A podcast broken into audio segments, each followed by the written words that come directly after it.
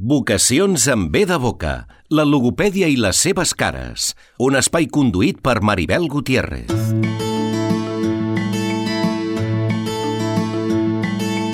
Molt bon dia, migdia, tarda, vespre, nit, sigui quin sigui el moment en què ens esteu escoltant. Soc la Maribel Gutiérrez i aquest és l'espai que aquesta temporada dediquem a la logopèdia des d'aquí, des de Ràdio Silenci, la ràdio de la Garriga. En aquesta ocasió parlarem d'un trastorn del qual segurament heu sentit a parlar força darrerament, en especial en el món educatiu.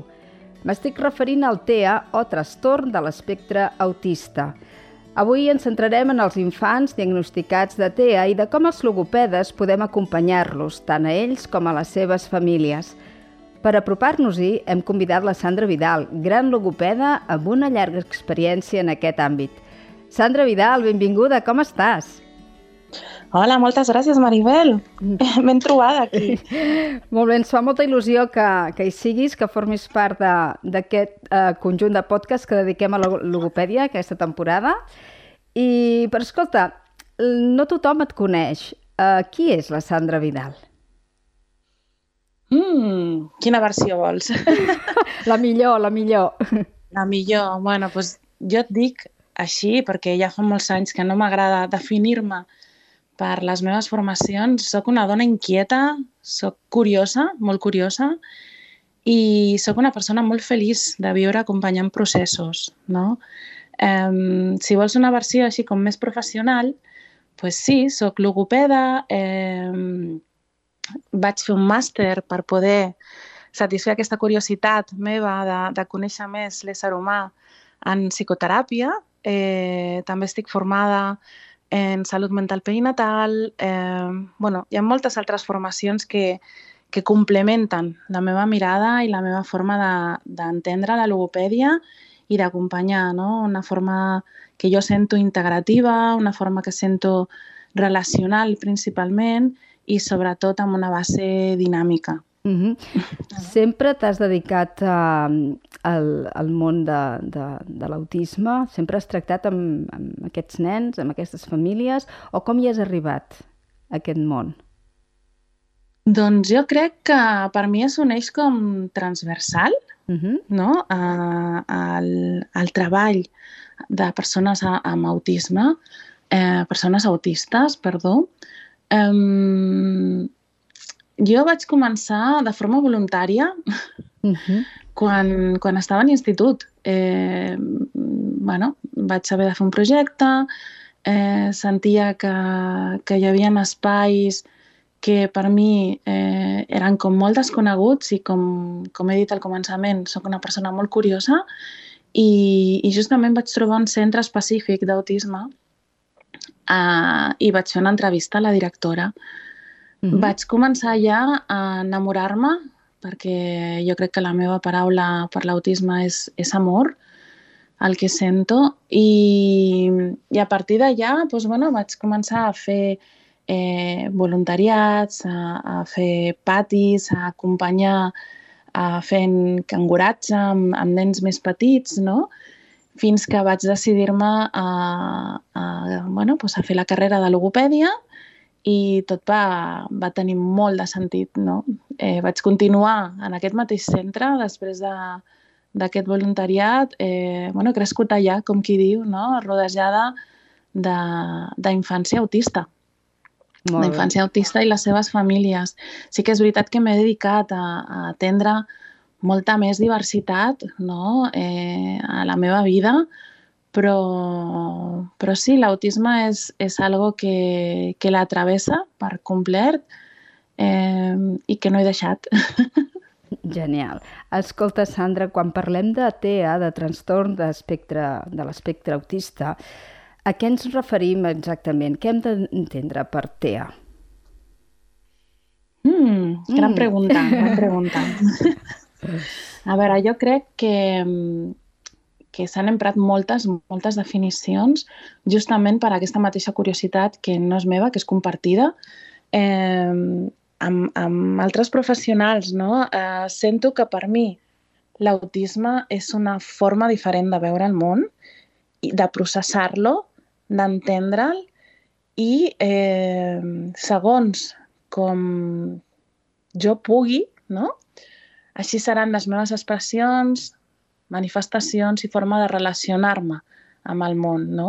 Mm. I doncs això és com molt extens, no? És, és com podria englobar-se en, en qualsevol altra persona, no? Perquè realment tots som diferents, tots som diversos i, i sí que és veritat que en nosaltres rau la, la, la possibilitat d'entendre el món i de, i de contactar amb ell de formes molt diverses, no? Sento que, que una definició potser més específica de l'autisme seria el fet de, de que aquest processament pot estar eh, compromès per les pròpies capacitats, no? Compromès en, en funció de, de, de com són aquests processos i de com són les meves resistències en aquests processos. No? Hi ha unes altes resistències per la meva sensibilitat, per dir-ho així, no? Uh -huh. eh, si, si parlés amb, amb veu d'una persona autista, per la meva sensibilitat, eh, aquests processos mm, poden ser tan diferents i tan diversos que, que deixen de ser comuns, no? Mm. Eh, a mi és la forma en la que a mi m'agrada eh, definir-lo més enllà de, del que podem trobar en un diccionari, del que podem trobar en, en, en el DCM, no? Yeah. Realment, sí. eh, per poder entendre a, a les persones autistes, jo crec que, que ens hem d'apropar més eh, a comprendre-les des de com nosaltres també procedim en, en el món, no? i, i entendre quines són aquestes divergències eh, sento que és important per, per, poder, per poder crear ponts. No? Les divergències mm. són doncs, bueno, des de la forma diferent de processar a, a través dels sentits, des de la forma d'elaborar aquesta compressió, a comprensió, un cop tu estàs processant d'una forma diferent, comprens d'una forma diferent el món i òbviament, segons quines siguin les teves capacitats, ja no em refereixo en quant a, en quant a intel·ligència, sinó em refereixo en quant a, a, a, a, a com col·loquem aquestes necessitats no? de, que tenim per poder eh, donar resposta uh -huh. i que aquesta resposta arribi. Uh -huh. no? Sandra, sí, de fet estem parlant mm, de comunicació en tota l'estona, no? O sigui, d'una manera o d'una altra, com ens comuniquem i com in interactuem, no? Amb, amb, amb, el, amb món, el món, exacte. exacte no? Uh, D'una manera general, uh, entenem, o quan ens parlen de TEA, que la paraula que ens ve al cap és això, falta de comunicació o aïllament del, del món, quan uh -huh. realment potser no és així, no? quins són els símptomes que ens poden posar en alerta? Eh, parlo des del punt de vista d'una família que, doncs, que té, té, té un infant i que a vegades penso que des dels centres escolars, perquè això jo també m'hi he trobat, et diuen, escolta, que ens, ens pensem que el teu fill podria tenir un trastorn de l'espectre autista. Què, què ens pot fer pensar que un nen eh, pugui ser diagnosticat de TEA? Vale. Aquí hi ha diversos punts, no? És a dir, quan parlem de d'una edat primerenca, mm. eh, sento que el que més ens pot cridar l'atenció és, és, són les manifestacions, són les expressions eh, cap al món, no? Des de eh, lo típic que podem observar són eh, els aletejos, eh, tota aquesta eh, funció d'expressió de, de la sensorialitat i de necessitat de, de, de regular-se, no? Uh -huh. És el que més ens crida l'atenció, que la comunicació doncs, eh, també ens pot cridar l'atenció al fet de... A veure, com ho dic? De comunicar-se a, a través de paraules d'un altre. Exacte, no? sí. Quan, sí. quan parlem d'això, eh, estem parlant d'aquestes ecolàlies, no? que, que moltes vegades les ecolàlies eh, ens donen la sensació que, que són repeticions no? I, i, i pensem en nens com... Jolín, amb expressions com molt robòtiques, no? Però no és tan així la colàlia. La colàlia pot, pot ser una frase molt ben elaborada, eh, molt ben col·locada en el context, però no deixa de ser una frase, per exemple, d'un personatge de Disney o de, de, de l'àvia mateixa que li ha dit aquesta frase i que la col·loca en el context correcte, no? Mm. I per això moltes vegades ens despista tant no? Mm. el fet de, de, de que un nen es comuniqui correctament, però eh, tingui aquesta necessitat no? de col·locar les ecolàlies per sentir aquesta seguretat. No? Parlaríem de les inflexibilitats també, Uh, però les inflexibilitats també estan dintre del llenguatge. Fora mm. del llenguatge són aquestes necessitats de, de repeticions, de, de que les coses estiguin sempre en un mateix lloc o es facin d'una mateixa manera, o que tinguin el mateix ritme o una mateixa seqüència abans de, de, de fer unes altres coses. Jo sento que tot això és el que normalment ens crida molt l'atenció Eh, abans ens cridava també, i dic abans perquè això ara no és determinant, ens cridava també l'atenció al fet de la mirada, uh -huh. no? d'aquesta dificultat de mirar eh, els ulls, de mirar la cara, de... Bueno, això forma part d'una sensibilitat i no tant de, de, que no hi hagi comunicació, no? Exacte. Uh -huh. Exacte. Jo estava pensant que aquí a la Garriga, Ràdio Silenci és la ràdio municipal de la Garriga, tenim el projecte Autisme a la Garriga que acull persones afectades greument per aquest trastorn. I potser durant molt de temps eh, ens ha portat a pensar que totes les persones diagnosticades amb aquest trastorn presenten el, el mateix patró, per dir-ho així. Però això està canviant eh, cada vegada en sabem més, tenim més informació sobre el trastorn en si i sabem que no tothom... Eh, eh, o sigui, el, el trastorn no es manifesta de la mateixa manera en totes les persones, no? O sigui, que podem establir, establir graus. Um, què ens pots dir respecte a això? O sigui, eh, en, el, en el món educatiu, que potser és on ara per ara um, sí que es, es detecten més casos o es diagnostiquen més casos o potser perquè hi ha més informació. Uh, estem... Sí, és això, no? Es diagnostiquen més casos. Com podem establir, o de manera general, com podríem diferenciar diferents graus d'autisme? No sé si m'estic explicant, uh, Sandra. O sigui, tu sí, em deies... Sí. sí, sí, hi ha diferents maneres de comunicar-se amb el món, eh, d'una manera molt, molt general, potser lligat amb el que ja hem dit abans, no? Eh, com podem diagnosticar o què ens pot fer pensar que un nen eh, pot eh, presentar eh, aquest trastorn. Vull dir, no tot l'autisme és, és la persona totalment aïllada del món, que no et mira la cara, que, que o sigui, no, no, no, no l'autisme és necessàriament una, un trastorn molt greu. Hi ha diversos graus. Uh mhm. -huh. Sí? Vale. Sí, sí. Eh, jo en aquí sí que, sí que vull com, com començar a introduir canvis, ja que tinc aquesta possibilitat de, de, de comunicar-me aquí, en, en la ràdio La Garriga, per, mm. per, per trencar també com, com, com patrons que tenim les persones alistes o les persones eh, normotípiques, no? Mm -hmm eh, sí que m'agradaria com trencar aquest patró de que existeixen graus perquè no és tan així. És a dir, quan pensem en graus, pensem, pensem com en una escala, no? I això, eh, ho dic des de l'experiència amb les famílies, sento que això moltes vegades els hi provoca molta angoixa eh, pensar en quin grau té el seu fill. Yeah. No? Mm. Perquè sembla que perquè mm, pugui avançar no? en, en, en, en aquest imaginari de la família pugui avançar, ha de superar un altre esglaó mm. i anar superant i com, com ascendint esglaons per, per arribar a, a no sé on, mm. a no sé on, perquè realment estem parlant del mateix, eh, tinguin les característiques que es tinguin. No?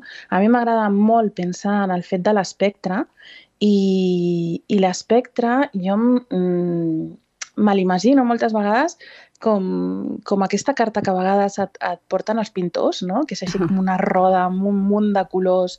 Eh, bueno, és un espectre de, de, de colors i en aquest espectre eh, hi ha infinites possibilitats de combinació. Moltes, moltes eh, combinacions per poder definir a una sola persona autista, perquè no totes són iguals, no? Mm. Bueno, aprofito que tinc la possibilitat en aquesta ah. plataforma no, de, de Ràdio La Garriga per poder eh, com trencar no? un, mites o, o, o aspectes que, que hem anat construint al llarg de, del temps, no? al llarg de la història de la definició de, de, de l'autisme. No?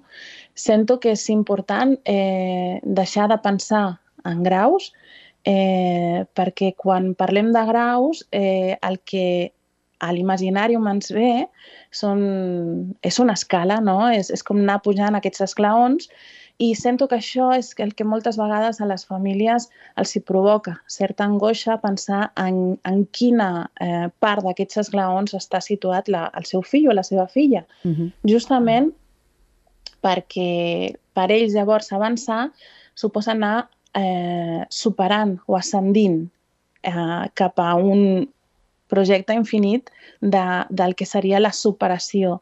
I si parlem de superació, estem parlant de, de, de quelcom que es pot curar i ja sabem que l'autisme no és una enfermetat, sinó que és una condició i una forma diferent de processar el món. No? Mm -hmm. A mi m'agrada molt més parlar d'espectre pel fet de, de, de que tens doncs, unes infinites possibilitats, no?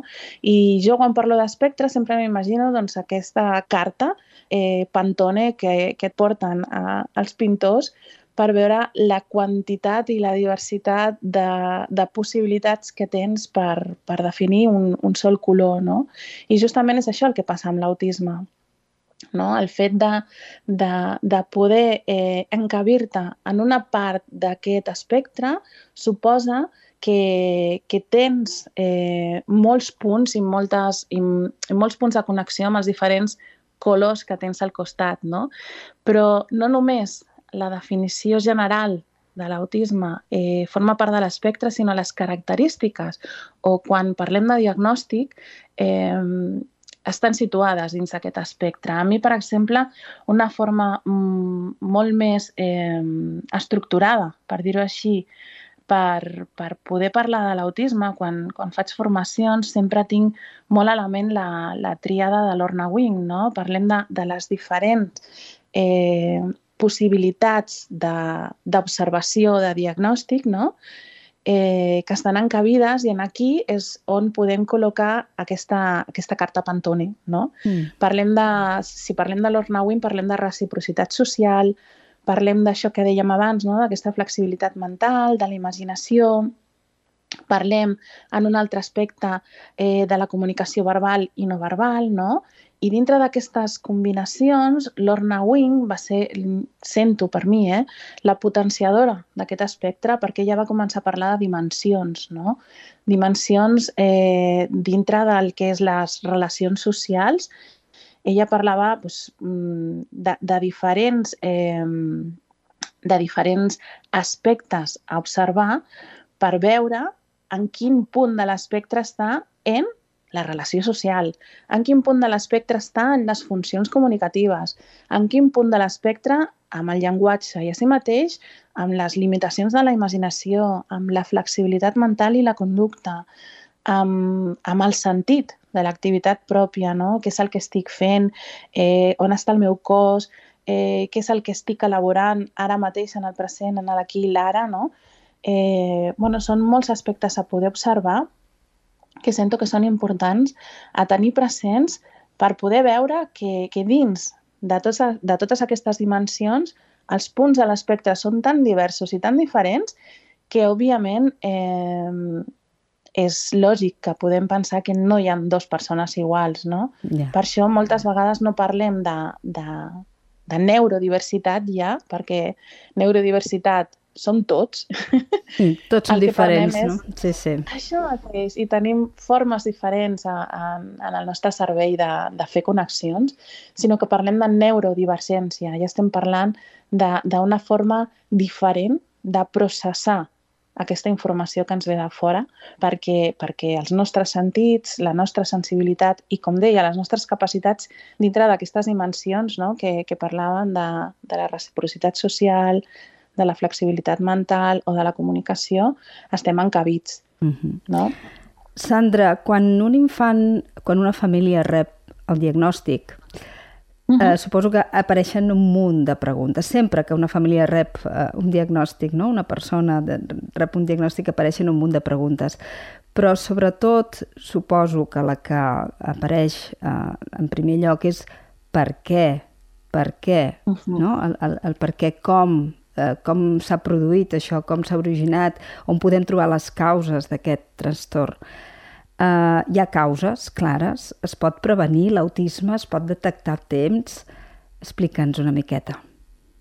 Mm, Difícil, eh, aquesta Difícil. pregunta, són moltes, eh? És que jo em poso a fer preguntes, en són bueno, moltes, però d'una manera, manera general, d'una manera general perquè eh, ens, ens pugui entendre més o menys tothom, no? sense, sense entrar en, gaire, en gaires tecnicismes, podríem dir que el, que el trastorn de l'espectre autista té unes causes clares, es podria detectar a temps, hi ha alguna cosa que les famílies puguin fer per prevenir? No sé, mm. a veure, què vale. podem dir? A veure, m'endreço. a veure, sí que és veritat que, mm, que és una pregunta com molt, com, com molt natural, com molt natural eh, i, i sento que primer el que ens enfoquem és a, a, a la causa real, no? I com a causa real eh, no n'hi ha, no n'hi ha. Eh, hi ha moltes teories que, que tot deriva cap a, cap a la genètica, no? Uh -huh. Però són molts anys, són molts anys estudiant en, en autisme i, i sobretot seguint eh, tots els processos que, que ara mateix eh, dintre del neurodesenvolupament s'estan fent i, i no, no hi ha una causa clara. Sí que hi ha indicadors que podem observar cada cop més, sí que hi ha eh, una criba no? si parlem d'evidència científica, eh, de població vulnerable, no?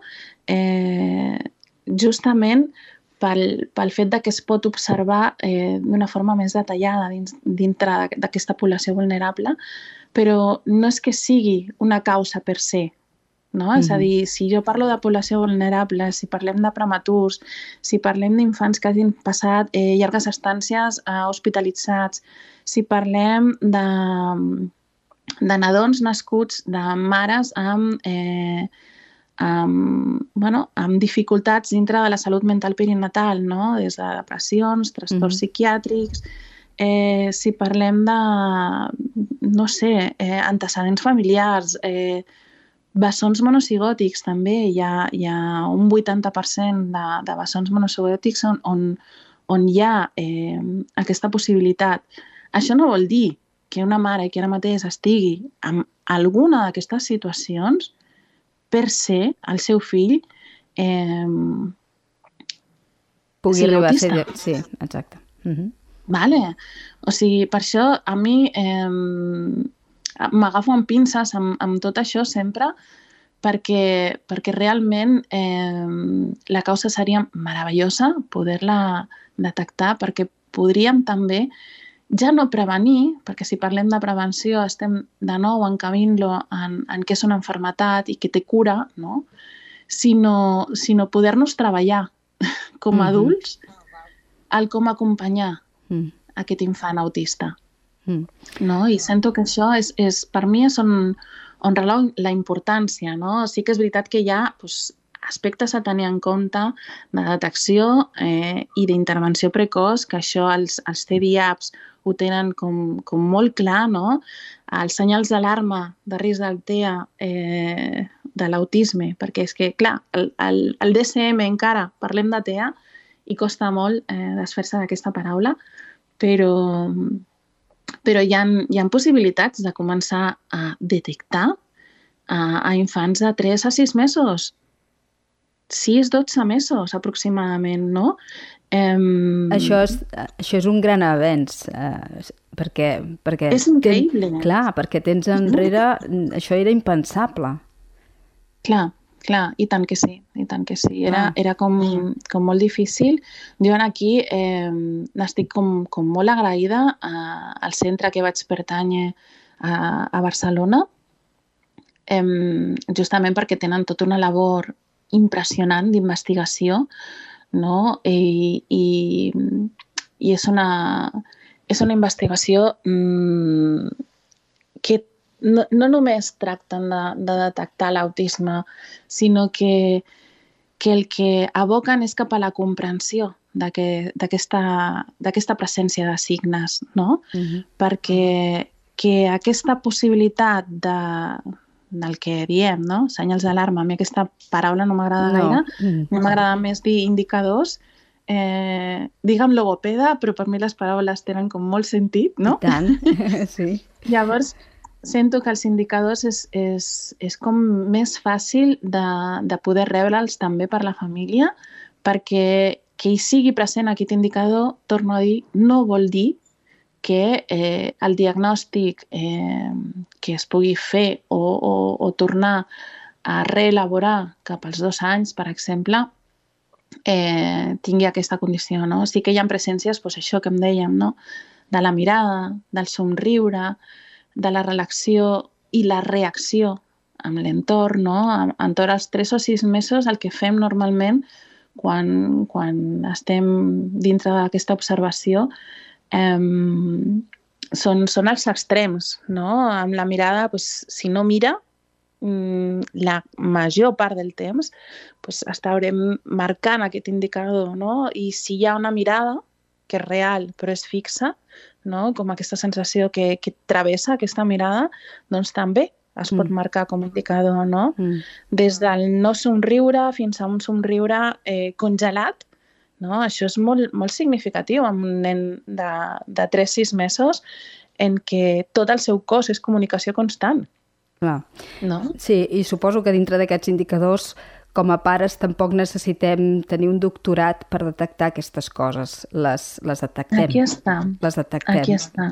De manera molt Aquí clara. Està. Sandra, tu, eh, quan atens el, un cas, t'arriba una família, com treballes? A les teves sessions treballes només amb el nen, inclous les famílies, també fas una atenció mixta perquè suposo que les famílies un cop se'n van cap a casa necessiten eines també, estratègies. Com, uh -huh. com acostumes a treballar a les teves sessions? Vale. Jo tinc dues formes de treballar ara. Eh, bueno, ara mateix una, que és, eh, són les sessions online, i en aquí eh, sí que tinc molt clar eh, com, com puc ajudar des d'aquí, no? Quan eren sessions presencials, mmm, molt poques vegades ha entrat el nen sol, sobretot quan, quan estem en atenció primerenca. Per mi és imprescindible uh -huh. que un dels dos pares estigui. Uh -huh. Imprescindible. Eh, justament perquè la meva forma de treballar no m'agrada donar eh, eines sinó que ells mateixos eh, descobreixin quines són les eines que estan posant de forma natural, perquè hi són, mm -hmm. perquè estan. I el que moltes vegades els pares necessiten és la validació d'aquestes eines, és polir-ne poder aquestes eines per treure un millor profit no? d'aquest contacte, d'aquesta connexió i, i no tant eh, un treball específic en quant a podríem parlar de llenguatge, podríem parlar de comunicació, sinó que, que la comunicació i el llenguatge per mi és un tot i està present en tot moment, en, en, a tota hora, no? des de que et lleves fins que te'n vas a dormir. Sí, que no tot és I... parlar, no? No tot és emetre paraules. No tot és emetre paraules, Exacte. no tot és seure en una taula i dir i, i nombrar joguines, no tot és... Eh, no, hi ha expressions en tot moment que ens passen moltes vegades desapercebudes i també és el fet de, de que les famílies no és que estiguin tot el dia pendents, no? sinó que realment puguin detectar quins són els espais en els que ells mateixos es troben còmodes per poder treballar i per poder incidir en, en allò que, que ens proposem com a objectiu, no?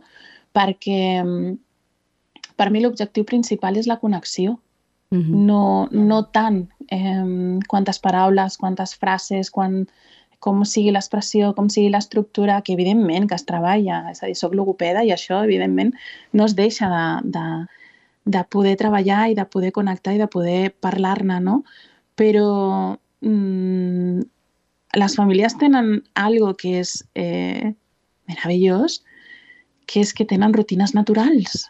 Uh -huh. eh, quan presencialment acudien a la consulta, el que els logopedes que treballem des d'aquesta mirada no? més integrativa, més relacional, més dinàmica, el que procurem és que dintre de la sessió es vigui d'una forma eh, natural, eh, espontània i sobretot, i, i per sobre de tot, eh, respectuosa amb mm. el ritme del nen, amb les interaccions, amb el desig, perquè la comunicació és això.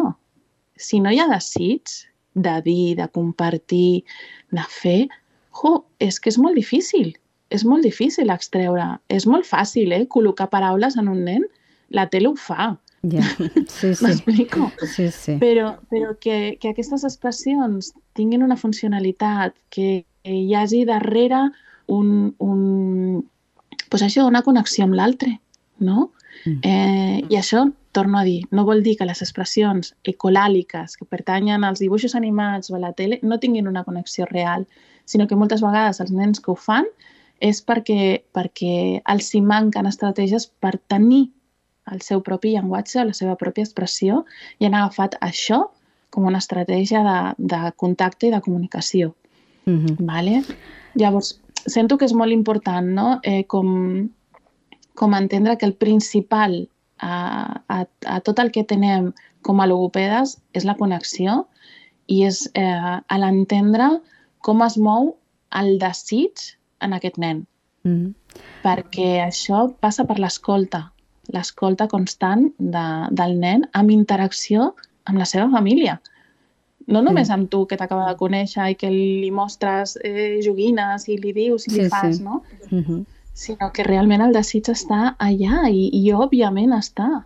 L'important és com, com crear aquests ponts, no? Evidentment. No sé si m'ha explicat. Sí, sí, sí, sí, sí, claríssimament. Sandra, hi ha un comentari que jo eh, cada vegada sento més i a vegades realment em fa una mica de mal, no?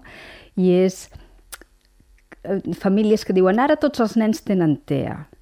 Com temps enrere sentia, ara tots els nens són dislèxics. Um, què et suggereix a tu aquest comentari?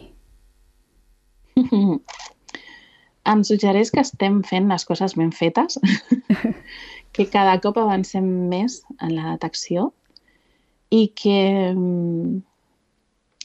i que sento que cada cop més eh, les persones integrem la, la divergència i la diversitat. Què vol dir això? Vol dir que cada vegada entenem que tots som diferents, que podem respectar aquestes diferències, que no cal que tothom passem per un mateix patró, no? per, per ser normals. Mm. I hauríem, de definir, hauríem de definir què vol dir ser normal, també. Per això, per això dic, no? Sí.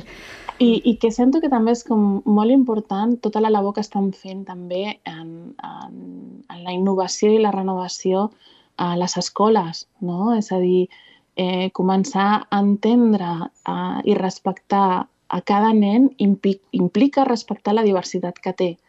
I per això eh, sentim no? com, com, aquesta, com aquesta frase. Jo sento que aquesta és la part més positiva d'aquesta frase L'altra part és eh, la que reben les, les persones autistes i sobretot persones autistes adultes que cada cop eh, estan emprant més la seva veu o, o la seva forma de comunicar-se, sigui com sigui, no? A, a, i, i sobretot que tenen cada cop més espai a la nostra vida gràcies a, a, a tot el que són les xarxes socials. No? Mm -hmm. eh, sembla que hagi estat un esclat, un boom eh, impressionant el fet de, de que cada cop hi hagi més persones adultes que diguin soc autista i, i dintre del nostre imaginari era com molt difícil sí. pensar que una persona agafés una xarxa social i comencés a explicar i a dir que treballa, que fa, que deixa de fer, que, que té una vida social i això sento que ens ha col·lapsat, uh, afortunadament, la definició que teníem entesa de, de l'autisme. Mm. No? Llavors, penso que aquesta frase pot ser presa per aquestes dues vessants, no? com, com per la, la incomprensió i no entesa de, del que significa, i, i a vegades és un atac també, no?, que per les persones adultes autistes mm. que, que, que ho expressen així, perquè no se les creuen i és com, bueno, què necessites per creure'm? Yeah. I, I per què jo t'he de dir, no? Si, si jo igual necessito que tu m'expliquis que ets una persona respectuosa, a veure com, com ho expresses, no? Com ho expresses, exacte. Sandra, hem d'anar acabant, ja s'acaba el temps, yeah? estaríem, oh. sí, estaríem aquí tot el matí parlant, bueno, tot el matí, oh. tota la oh. tarda, tota la... Bueno, sempre estaríem aquí parlant una bona estona amb tu, però ja ens ho has dit al principi, crec que s'ha entès força bé al principi, però digue'ns, què t'aporta tu treballar amb persones autistes i les seves famílies? Ai, mira que m'emociono, eh? una paraula, una paraula. um, una paraula només. Eh, una paraula, una frase, un sentiment. Per mi la paraula, ja ho he dit abans, per mi la paraula és amor uh -huh. és, és amor. És entendre que l'amor eh, té diferents formes d'expressió, diferents formes de mostrar-se, diferents formes de, de, de connectar amb l'altre i, i això m'ho ha, ha ensenyat la infància autista. Eh, jo estic molt agraïda i ja et dic que m'emociono, eh? Ojo, que m'estic emocionant molt. No es nota, tranquil·la, que no es nota. dic que m'emociono per, per, pel fet de, de, de tant com he après de la vida, d'entendre de, la, la diversitat del món, perquè eh, com a persona, que no sé si dir-me normotípica o no, molt típica no soc,